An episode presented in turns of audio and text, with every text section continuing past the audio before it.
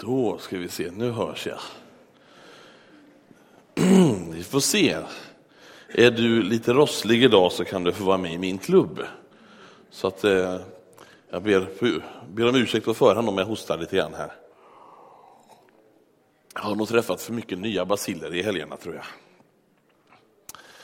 Men nu, nu ska rösten hålla för nu ska vi predika. Och det ska vi göra utifrån Jona bok var tanken. Det är sällan man har en hel bok som predikotext, men det har jag idag. Den är inte så lång. Om du slår upp den i din bibel vet jag inte hur det ser ut, men i min är den bara ett uppslag så här. Så att vi ska nog hinna med resten också idag. Det är annars en ganska välkänd berättelse. Mm. Ja, också bland sådana som inte läser Bibeln eller går i kyrkan, tror på Gud. så. Jona i valfiskens buk.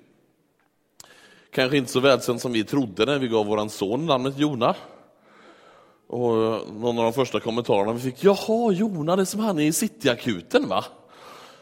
Eh, och det visade sig att han i Cityakuten heter Noah, han heter överhuvudtaget inte Jona, men så. Det var ändå första associationen var något helt annat. Och det har varit ett par stycken som har sagt, nej, som han i Bibeln, och folk, nej, nej, det vet, vet jag inte. Så. så att vi ska ta den här berättelsen i lite sammanfattning. Både för att fräscha upp den för dig som tycker att du kan den och för dig som kanske inte har hört den och tar den för första gången då. Berättelsen om Jona då. Den börjar så här boken. Herrens ord kom till Jona, Amitais son. Bege dig till Nineve, den stora staden, och håll en straffpredikan. Jag har fått ögonen på ondskan där. Och Jona gav sig iväg, men för att fly till Tashish, bort från Herren. Han vandrade ner till Jaffo och fann där ett skepp som skulle till Tashish. Han betalade för resan och gick ombord för att följa med till Tashish, bort från Herren. De får ut på havet.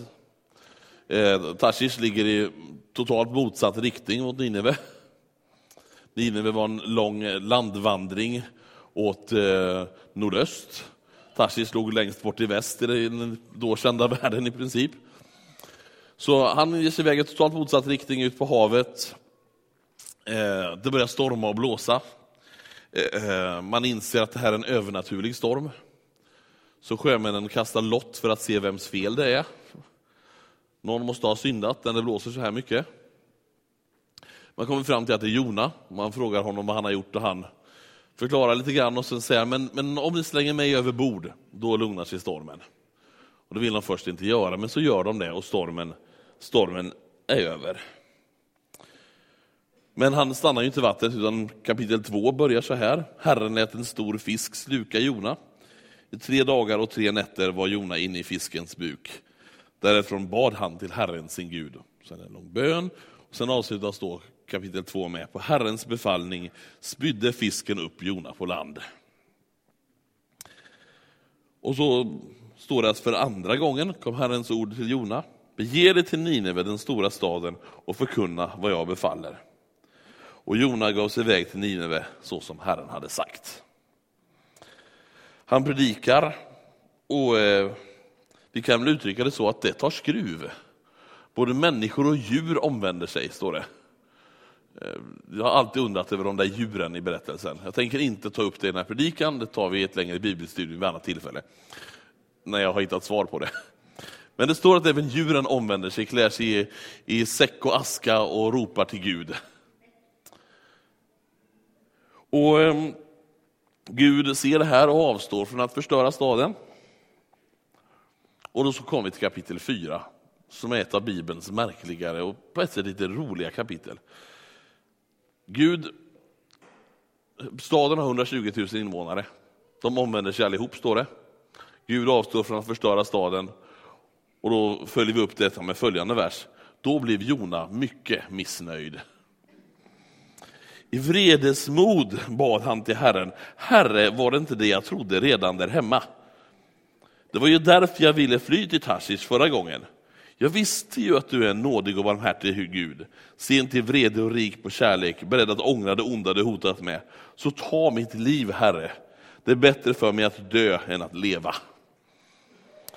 Det är inte så de flesta skulle reagera om de har predikat 120 000 har kommit till tro. Men så gör Jona. Och så sitter han där och surar och det bygger sig en liten hydda och så växer upp en, över natt växer upp ett träd. En liten planta av något slag till skydd för honom. Och han njuter av det skugga men så över natt så låter Gud den dö. Och um, då blir han arg igen. Då frågar Gud honom, har du skäl att vara vred för kurbitsens skull? Trädet alltså. Jonas svarade, jag har alla skäl i världen att vara vred. Herren sade, du bekymrar dig för ett träd som du inte har lagt ner något arbete på, som du inte själv fått att växa, som kom till på en natt och försvann på en natt. Skulle då inte jag bekymra mig om Nineve, den stora staden där det bor över 120 000 människor som inte ens kan skilja på höger och vänster och dessutom många djur. Sen är boken slut. Det är en ganska fascinerande berättelse. Och det har ibland lagts mycket tid, energi och diskussion på att fundera på, är det här verkliga händelser? Eller är det bara en sedelärande berättelse, någon sorts fabel, en liten liknelse av något slag? Kan till exempel en människa överleva tre dagar i en fisk? Googlar man sådana frågor så dyker det upp en väldig massa både för och emot, kan jag tala om. Eh, för mig spelar det inte enormt stor roll, om jag ska vara ärlig. Alltså det Gud ville få sagt med den här berättelsen, det som är orsaken till att den finns med i Bibeln, det blir sagt oavsett om det skulle ha hänt på riktigt eller inte. Men jag ser inga hinder överhuvudtaget för att det skulle ha hänt på riktigt. Men vi vet heller inte exakt när den här boken skrevs eller när den utspelar sig.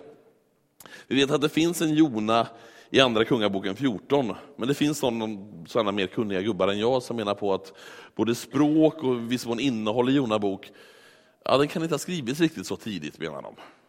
Men någon gång mellan år 800 och år 400 före Kristus vet vi att den måste ha tillkommit.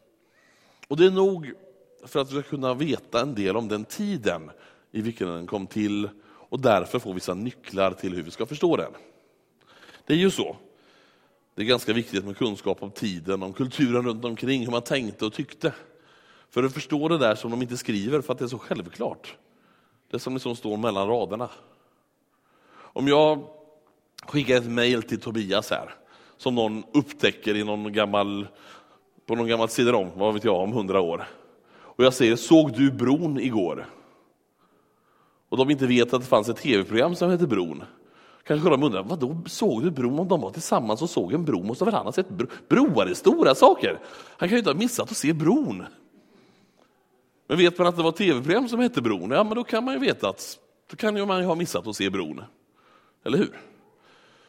Men om hundra år kanske de inte vet det och då blir det en totalt ologisk sats. Men om den här tiden vet vi en del och det är det vi ska gå in på nu då. Till exempel är det så att när den här berättelsen berättades, många av de här berättelserna var ju muntliga berättelser först som man satt vid, vid elden och berättade. Kommer ni ihåg berättelsen om Jonas? Drog man den. Och de som eventuellt fick höra den för första gången, det är inte alldeles omöjligt att de applåderade Jona och tyckte att vilken kille. Helt rätt gjort. Sticka iväg till Tarshish istället. En applåd för den killen liksom. Därför att Nineve, den stora staden, den var huvudstad i det assyriska riket. Och typ alla andra omnämnanden av den staden och det riket i Bibeln det är straffdomar, det är profetior om rikets undergång och fall.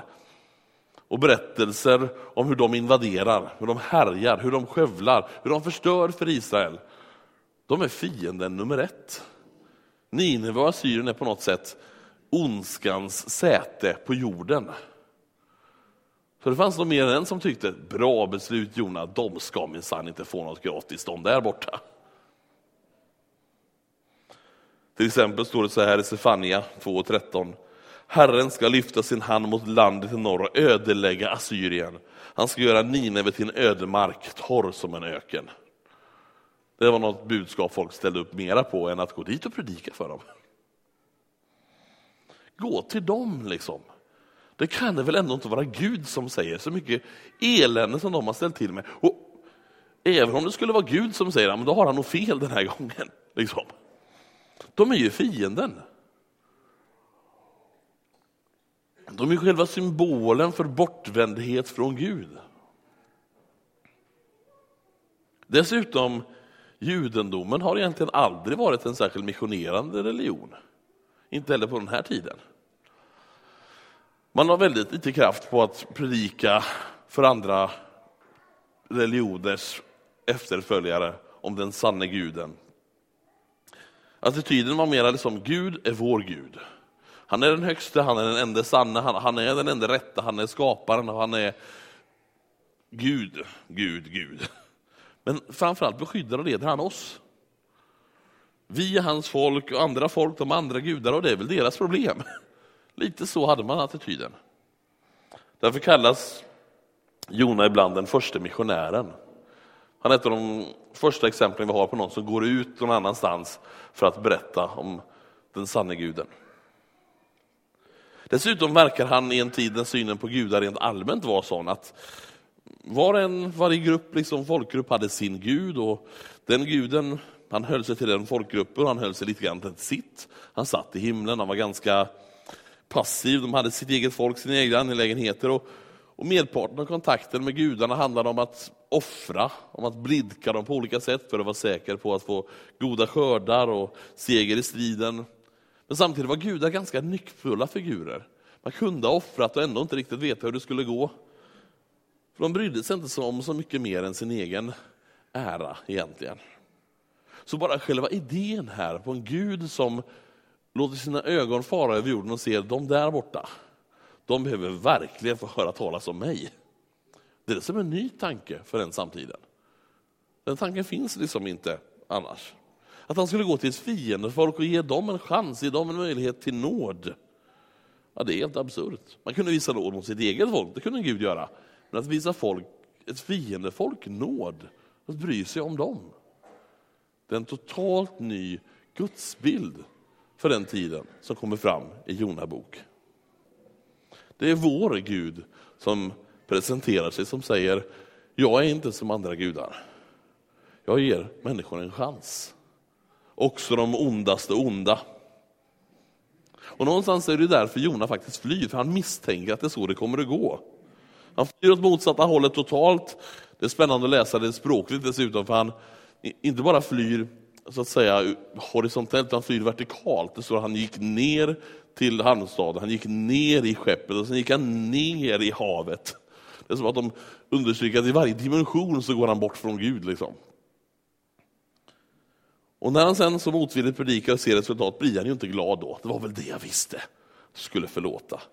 Gud ska väl sen inte komma här och visa fienden nåd. Han är som en spegel av sin samtid fastän han går då. Så det är en ny syn på Gud och en ny syn på andra människor som lyser igenom i Jona bok. En Gud som, som faktiskt bryr sig om människor. Som vill förlåta och hjälpa och inte bara de som redan tror på honom utan andra folk. Alla folk. Och då är det inte längre andra folks problem att de tror på falska gudar. Utan om Gud intresserar sig också för andra folk, ja, då blir det ett ansvar för de som känner den sanne guden att låta andra få reda på sanningen om honom. Självbilden för de som tror på den sanne guden blir också annorlunda i Jona bok. Israels folk de hade klart för sig att de skulle vara ett ljus för folken. Det finns sådana profetier, flera stycken. De skulle leva annorlunda, de skulle vara heliga så som deras Gud var helig.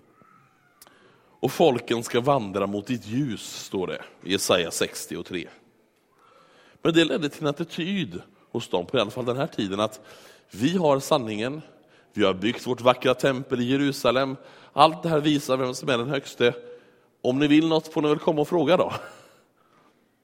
Vi finns här, Gud finns här, vill ni ha reda på mer så ställ frågor då.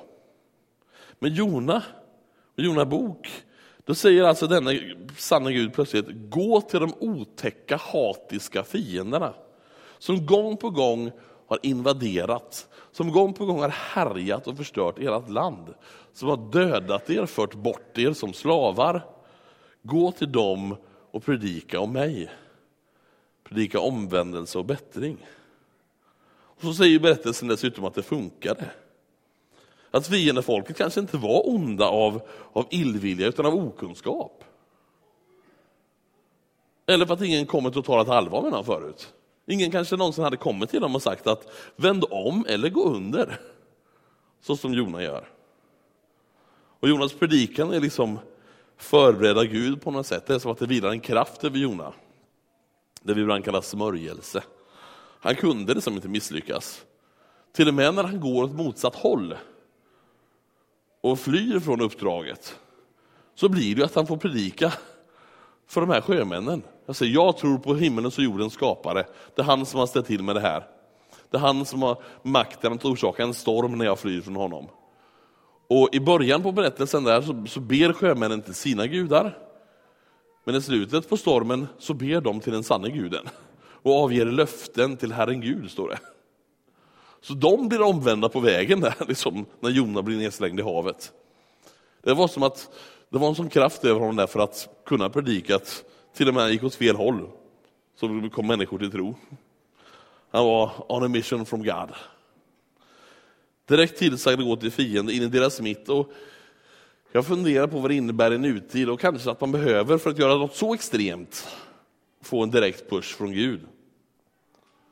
Men att Gud älskar och bryr sig om också de vi i kyrkan kanske tänker på som fiender.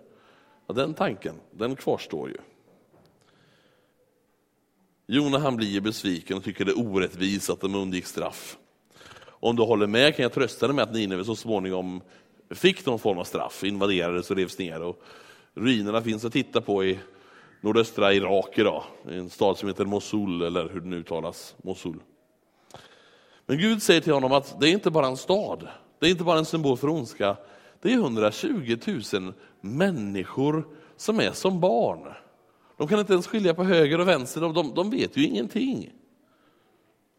Och de visade sig dessutom vara mer mottagliga för Guds budskap än Jona själv.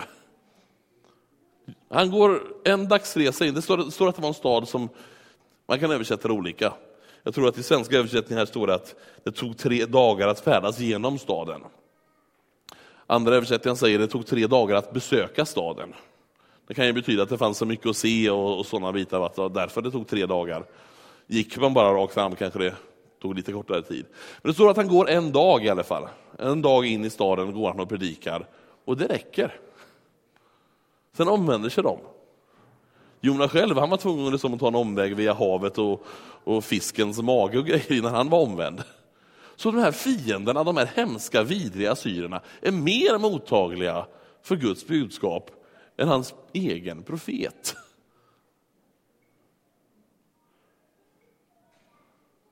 Så kanske är inte världen så svartvitt uppdelad i vi och dem som vi ofta vill ha det till.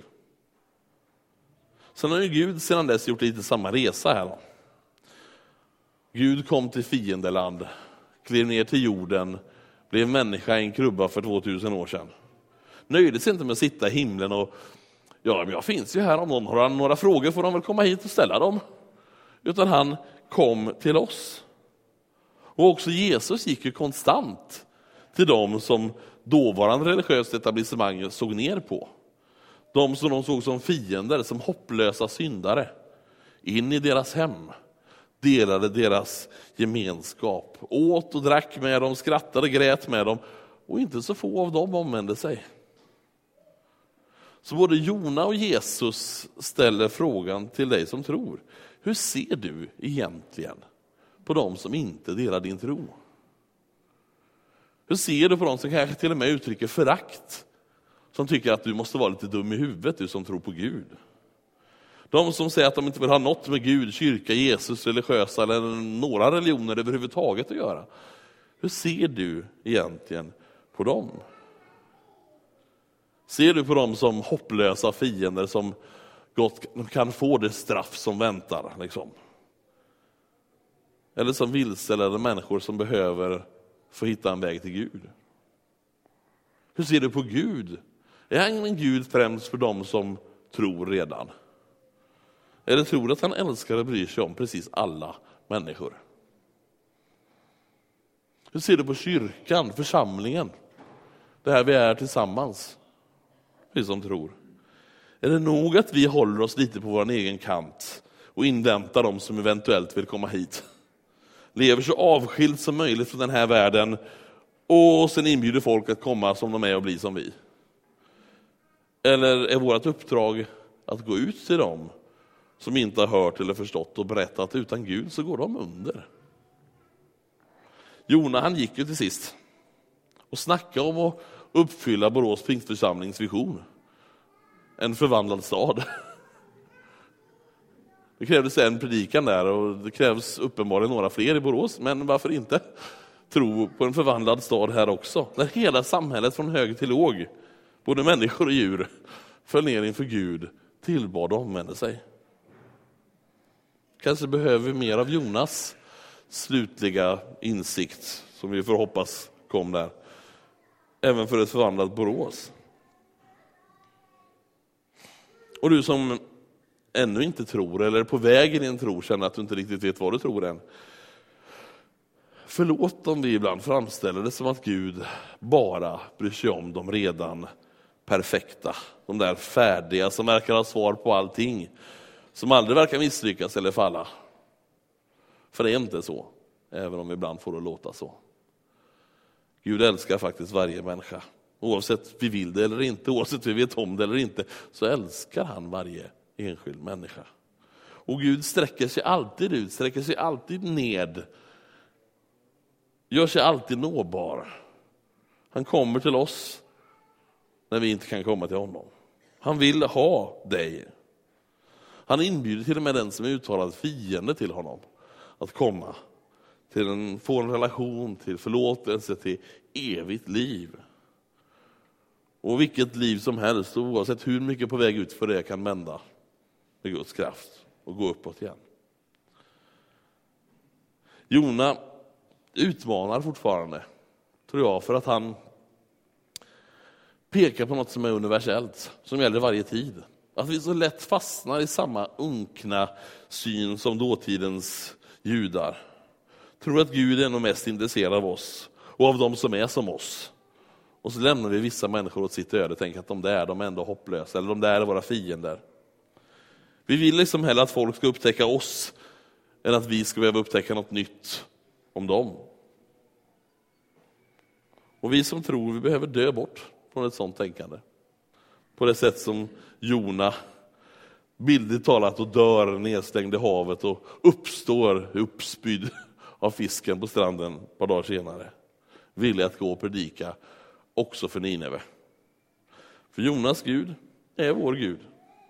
Och han är fortfarande angelägen om att varje människa, varje hans barn, oavsett hur vi ser på dem, ska få höra talas om honom. Amen.